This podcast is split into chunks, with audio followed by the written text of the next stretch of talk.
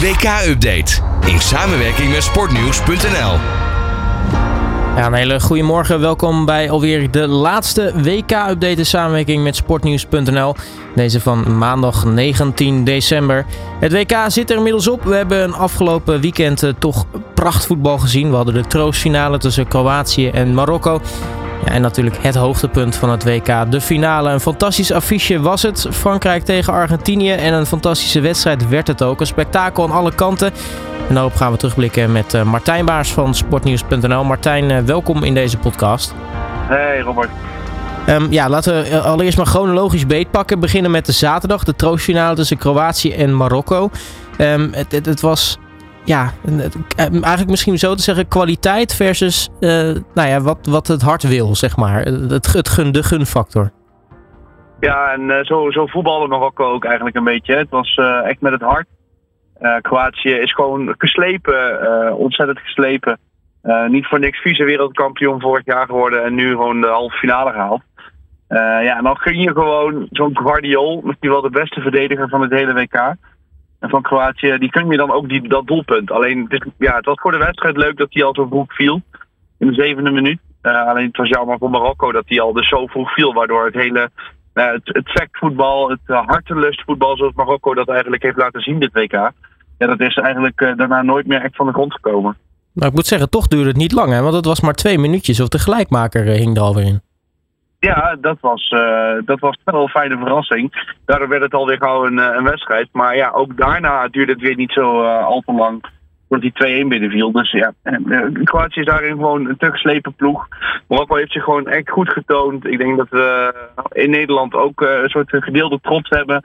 Dat Marokko zo ver is gekomen. Ehm, ja, toch landen als Spanje en Marokko, Spanje en Portugal uitgeschakeld. Dus echt een hele mooie WK-reeks. Uh, gewoon vierde geworden op het WK. Uh, hoger dan Nederland. Uh, ja, het, is, het is echt een verrassend toernooi geworden voor Marokko. Alleen jammer dat ze dan net niet er een medaille aan overhouden, om het zo maar te zeggen. Dat, dat had nog wel de kerst op de taart geweest. Het beste resultaat ook natuurlijk voor een Afrikaans land ooit op een wereldkampioenschap. Kortom, een, echt een editie om op, om op aan terug te denken. Um, ja, die 2-1, dat was uiteindelijk ook het eindresultaat. Die viel dus al voor rust. Uh, tweede helft was het ja, veel strijd, maar ja, qua schoot op doel viel het eigenlijk ook wel tegen. Um, maar toch, wat ik wel grappig vond, is eigenlijk dat bij Kroatië beide doelpuntenmakers, dat waren gewoon verdedigers. Ja, en dan, heb je, dan denk je dat van tevoren bij het invullen van je Scorito-pool. En dan denk je, nou, kies ik niet Guardiola, kies je. En dan scoren twee andere verdedigers scoren wel. Dat, uh, dat was vervelend. Maar ja, wel leuk dat we, dat ook wat uh, scorende verdedigers zien. Want als we zo de hele WK terugkijken, dan zijn er uh, gewoon weinig verdedigers geweest die hebben uitgeblonken in, in doelpunten. ja, Dumfries natuurlijk bij ons tegen de USA. Dat was natuurlijk de grote wedstrijd van een verdediger misschien wel. maar dan leuk dat, dat zo'n uh, en Orsic het voor Kroatië mogen doen in zo'n wedstrijd die dan ook wel daadwerkelijk ergens om gaat.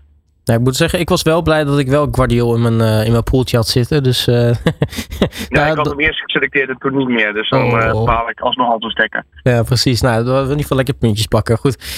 dat was de troostfinale Kroatië, dus derde. de dag erop, ja, de wedstrijd der wedstrijden. Ik denk dat weinig mensen hem niet hebben gezien. Want als je een affiche hebt Argentinië tegen Frankrijk in zo'n grote finale. Ja, dan weet je één ding zeker. om vier uur gaat die tv aan. Ja, want uh, vier uur lekker zondagmiddag. Uh, het is ook niet dat het een late wedstrijd is. Dat je denkt, ja, ik moet morgen werken. Uh, ik ga maar eerder naar bed. Nee, je kon gewoon eigenlijk beginnen met het WK darts om 12 uur. Vervolgens om half vier was dat afgelopen. En om vier uur begon het WK voetbal de finale. Ja, het was echt een perfecte sportmiddag wat dat betreft. En ja, ik denk dat heel weinig mensen de finale Argentinië-Frankrijk hadden voorspeld. Ik denk dat toch veel mensen voor Brazilië hadden gekozen voor het WK misschien wel Nederland zelf. Uh, maar het is toch Argentinië-Frankrijk geworden, ja. En dan heb je de, gewoon de regerend wereldkampioen die ontroond wordt door uh, nou ja, Argentinië met Lionel Messi, die, uh, nou ja, waarvan we dachten, dat is de laatste. Maar hij heeft toch ook alweer gezegd, nou ik stop voorlopig nog niet hoor. Ik heb nog veel te veel liefde voor dit shirt.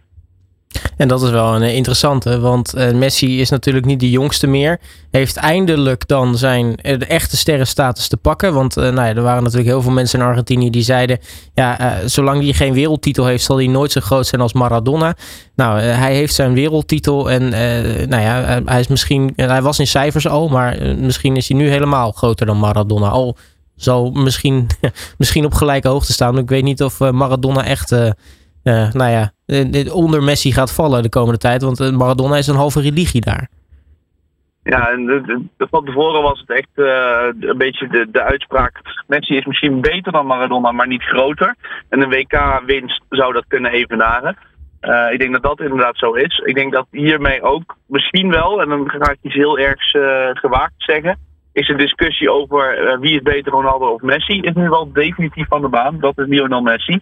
En dan de volgorde Maradona, Pele, Messi. Ja, ik denk dat die drie, uh, misschien met Kruif erbij, uh, die vier, uh, ja, die volgorde proberen we die maar eens te bepalen.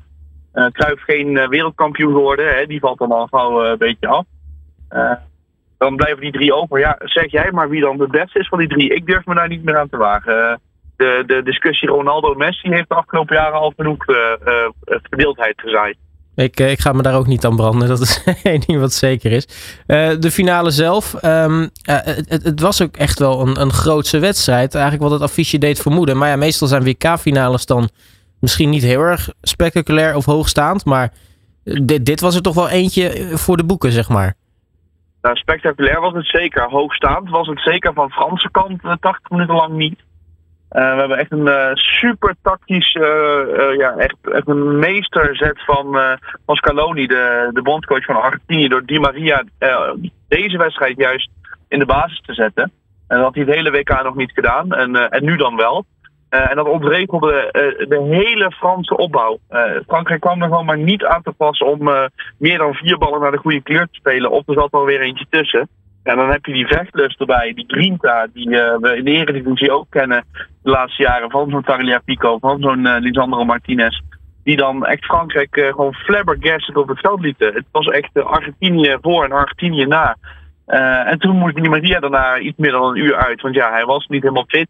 en toen viel eigenlijk heel de Argentijnse organisatie uit elkaar.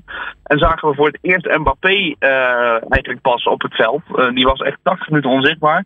Ja, en dan scoort hij in 97 seconden na elkaar twee keer. Ja, dan ben je ook gewoon een legend. En uh, natuurlijk vier jaar geleden wereldkampioen geworden. Dus we wisten ook wel dat Frankrijk het kon en dat Mbappé het kon.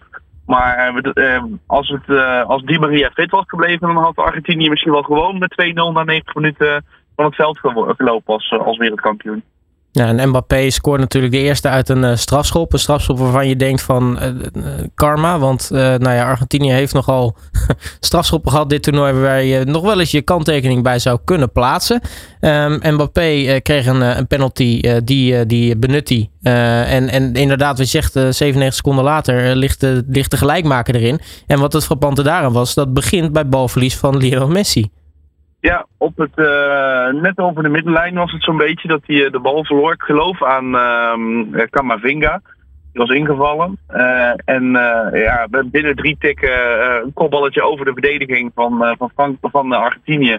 En Mbappé doet ook wat hij wel vaker doet. En dan neemt hij hem gewoon uit de lucht en dan laag houden. Martinez zat er nog wel aan, de keeper van Argentinië. Maar het was echt een, misschien wel de mooiste goal van het WK. Of van de finale, laat ik het zo zeggen. Um, en uh, ja, dat zou je zeggen terecht, maar eigenlijk ook weer niet. Want ja, um, wat ik zei, Frankrijk was daarvoor echt uh, onzichtbaar. Die penalty was, daar stond dus ook enorme druk op. Want ja, Frankrijk had nog maar 10 minuten om die, uh, om die twee doelpunten verschil goed te maken. Dus die moest er ook in. Ja, dan Mbappé er laten staan. Er zat Martinez er nog aan, die had het bijna uit. ja, het was echt super spannend laatste kwartier. en daarna helemaal met de verlenging en de penalties die erachteraan kwamen. Nou, ook in de verlenging werd natuurlijk eh, twee keer gescoord. Eén eh, door beide ploegen. Dat, dat, is iets wat sowieso niet al te gek vaak gebeurt. Hè? Meestal gaat het dan toch naar penalties als het verlengen wordt. Maar uh, wat er trouwens nu ook ging. Maar er werd wel gescoord in de verlenging. Ja, zeker zo'n Argentinië dat dan al een aantal verlengingen heeft gespeeld dit WK. Tegen Nederland, tegen Kroatië. ja, dan, dan zou je denken, die weten hoe het is. Die, die vertrouwen op hun, hun penalties. Dus die gaan daar vol voor voetballen. Maar dan ontstaat er toch veel ruimte omdat er nou, spelers moe zijn. gewoon omdat er de concentratie misschien wat slapt. Ja, en dan zie je gewoon dat er ineens een, een, counter komt van Argentinië waarin het ineens 3 tegen 2 is. nou, dan schiet Lautaro Martinez eerst nog op het gezicht van Hugo Lloris.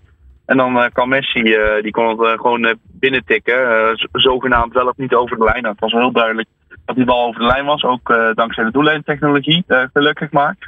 Um, en dan denk je, nou, dan heeft Argentinië het in de pocket, want die geven niet nog een keer een voorsprong weg. Die hebben nu geleerd en die weten hoe ze Mbappé moeten stoppen. En uh, ja, ziet het gewoon, gewoon weer gebeuren. in, de, in, diep in de verlenging dat Frankrijk gewoon ook nog weer die 3-3 kan maken. ja, dat maakt het wel super spectaculair en, en ook onverwachts. Nou, die, Martinez, die, uh, die keeper, die, die zat overal eigenlijk wel aan. Wat ik zo frappant vind, uh, inclusief de strafschoppenreeks, scoort uh, Kylian Mbappé vier keer. En vier keer zat de keeper er eigenlijk gewoon aan. Ja, ik denk dat we die Martinez, ik denk niet dat we die na de winter nog bij Aston Villa zien spelen. Um, die heeft zich dit WK echt ontpopt tot misschien wel strafschoplegende. Uh, ook al is het, kan het niet allemaal even netjes. Hè. Je, ziet ook uh, tegen Frankrijk gooit hij de bal uh, zo'n beetje het strafschopgebied uit. Als de speler van Frankrijk bijna bij de penalty tip is. Ja, krijgt hij dan geel voor. hij heeft veel praatjes, beweegt veel. doet echt alles aan om psychologisch de winnaar te zijn. Nou, dat werkt tegen Nederland. Hè. Virgil van Dijk en Steven Berghuis mist een pingel tegen hem. maar ook in andere penaltyreeksen is hij gewoon de beste. Uh, hij is gewoon psychologisch de allerbeste. Hij kan gewoon in het hoofd kruipen van de nemer. Uh, en hem daarmee zo, mee, zo ontregelen dat, uh, dat het gewoon, ja, dat hij gewoon altijd een streepje voor heeft. En dan moeten we gaan, um, moeten we het er misschien over gaan hebben. Willen we dit? Willen we dat dit zo'n invloed kan hebben? er zal een kamp zijn voor, er zal een kamp zijn tegen. Ehm, maar we kunnen gewoon niet anders zeggen dat Emiliano Martinez zich echt ontpopt heeft tot penalty specialist. Um, en misschien niet uh, door uh, zijn fantastische reddingen, maar wel door zijn fantastische mindgames, om het zo maar te zeggen. En niet alleen uh, qua strafschoppen, ook nou ja, op het veld natuurlijk. tijdens reguliere speeltijd doet hij het hartstikke goed. Want ik denk dat Kolo Muani toch nog even nou ja, vannacht heeft gedroomd over die ene bal die hij had kunnen maken in de extra tijd van de verlenging.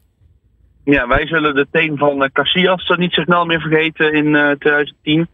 En uh, ik denk dat uh, Moani, die inviel uh, voor de rust al, hè, dat was zo'n wissel van Deschamps.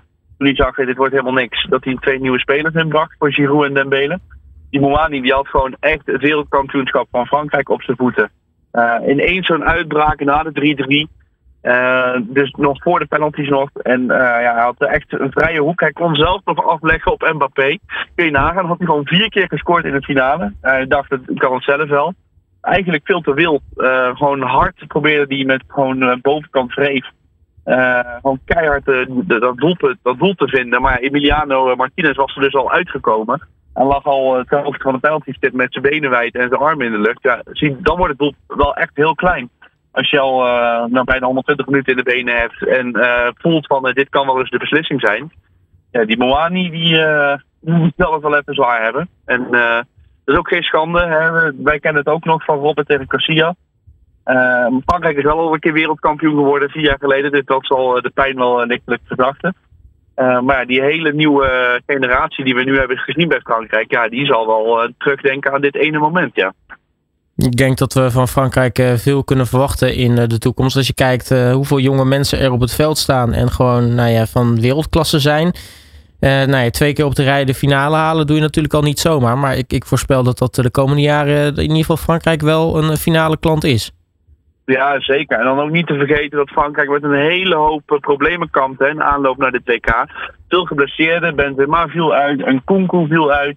En los van dat ook Lucas Hernandez tijdens het WK nog met een zware blessure uitviel. Eh, er was wat, uh, wat gerommel in de selectie van tevoren. Dus eigenlijk was, was iedereen een beetje Frankrijk vergeten. Die dacht, ja, die halen misschien dan de kwartfinale. Uh, vliegen er dan uit, omdat nou, er zoveel problemen waren. en dan toch zie je dat ook zo'n jonge generatie, ook spelers waarvan je het niet wacht, verwacht, zo'n Fofana, die echt meeviel. Zeker in de halve finale was die echt supergoed. maar ook zo'n Chouameni die super jong is. Kamavinga die super jong is. Ja, die staan gewoon allemaal op op het moment dat ze er moeten staan. En uh, Frankrijk uh, daardoor echt gewoon best wel onverwacht misschien ehm, toch wel die finale gehaald. En nou gestreden voor wat ze waard waren. En ja, ik denk dat Messi met een gerust hart ehm, zijn nalatenschap kan overdragen aan Mbappé. Want die is 23, twee WK-finales gespeeld, ehm, eentje gewonnen. Die jongen, dat wordt echt de nieuw next big thing. En dan hebben we Haaland ook nog rondlopen ergens. Die hebben we dit hele WK natuurlijk niet gezien. Die gaan we vanaf tweede kerstdag weer, weer in afgezien. Nou, dat wordt echt een, uh, een toekomst om van te smullen. Ik denk dat we Messi en Ronaldo binnen de kortste keren vergeten zijn, uh, tussen haakjes. En dan nog even kort over de Argentijnen. Uh, ik, ik weet niet of jij in de afloop van de wedstrijd ook nog beelden uit Buenos Aires bijvoorbeeld gezien hebt. Maar nou ja, de week voor kerst zo'n feest. Ik, ik gok dat er pas ergens in januari weer een keer gewerkt gaat worden daar in Argentinië. Ja, ik denk dat er mensen nu nog zijn die nog niet naar bed zijn geweest. Die eh, nog steeds op een plein staan bij de obelisk in Buenos Aires. Zo kent uh, verzamelpunt. Ik zag al drone shots uh, voorbij komen vanmorgen vanuit Argentinië. Waarin echt honderdduizenden, misschien wel miljoenen mensen gewoon nog steeds op straat staan om dat WK te vieren. En dan moet de selectie nog terugkomen. En dan moet Messi nog gehuldigd worden. Moet hij nog uit het vliegtuig stappen in Argentinië. Moet hij maar, zijn goddelijke voeten nog op het eigen land uh, neerplanten. Ja, ik denk dat we, dat we de komende weken eh, alleen maar beelden gaan krijgen uit Argentinië over nou, gewoon Messi, uh, de, zijn verering, de, de goddelijke status die hij nu heeft, zijn smile die je niet meer van zijn gezicht krijgt. Maar ik hoop wel dat ze die uh, die hij omkreeg, dat ze die thuis laten. Want dat was echt, nou, als ik dan toch een smetje moet noemen op deze finale, dan was dat dat moment. Ja, en, en, natuurlijk, ja, dat ook echt bizar. Die Martinez, ik weet niet wat hij dacht toen hij uh, met dat beeld van, van de, de Golden Glove uh, aan de haal ging. Maar uh, volgens mij was hij gek geworden door het feest, denk ik. Ik denk dat hij misschien al een biertje of wat op had. en dat hij gewoon super van de stress helemaal gespannen stond. En dat hij gewoon even een uitlaatklep bedacht die in hem opkwam. En hem nou, in het zicht van de emirs voor zijn slagwiel hield met een en uh, een uit, uh, uitspatting in zijn gezicht van, uh, nou jongens, uh, ik ben van de stress af. dat was een, een grappig momentje. En ik wil nog even een lans breken voor de scheidsrechter, Martiniak, de, de Pol. Ik denk dat we zelden dit WK zo'n, um, nou ja, misschien wel tien optreden hebben gezien van een scheidsrechter. goed aan beide kanten. Penalties waren terecht gefloten. VAR was niet nodig. En dat te bedenken dat die beste man anderhalf jaar geleden nog werd afgekeurd voor het scheidsrechterskorp, omdat hij een uh, hartziekte had. Uh, ja, die heeft echt, uh, die krijgt van de L'Equipe 2. dat zijn slechte verliezers, want ik als ik de rest van de wereld zo hoor, en ik heb het zelf natuurlijk ook gezien, echt een fantastische wedstrijd gefloten. dat moet ik even gezegd hebben. Nou, check. Nou, dan, dan, dan sluiten we daarmee af.